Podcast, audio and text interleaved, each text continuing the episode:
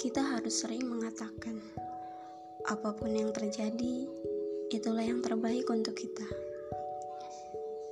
Ya, walaupun tidak jarang, kenyataan yang tidak sesuai dengan harapan. Mungkin ini takdir, mungkin doa kita yang kurang, mungkin kita yang kurang berusaha, dan masih banyak kemungkinan-kemungkinan lainnya.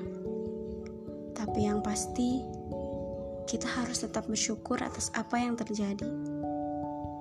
Jangan pernah menyesal atas apa yang telah diusahakan, karena semua tidak ada yang sia-sia. Belajarlah dari pengalaman, ambillah pelajaran dari setiap kejadian. Kalau sekarang gagal, mungkin Allah ingin kita berusaha lebih giat lagi.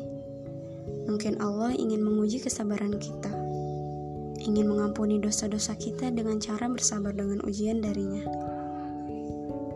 Ingatkan pepatah yang bilang bahwa mati satu tumbuh seribu. Satu pintu tertutup, maka seribu pintu terbuka. Jalan menuju sukses itu banyak. Jangan hanya terbatas pada yang disukai saja, karena bisa jadi jalan lain itulah yang merupakan kesuksesanmu.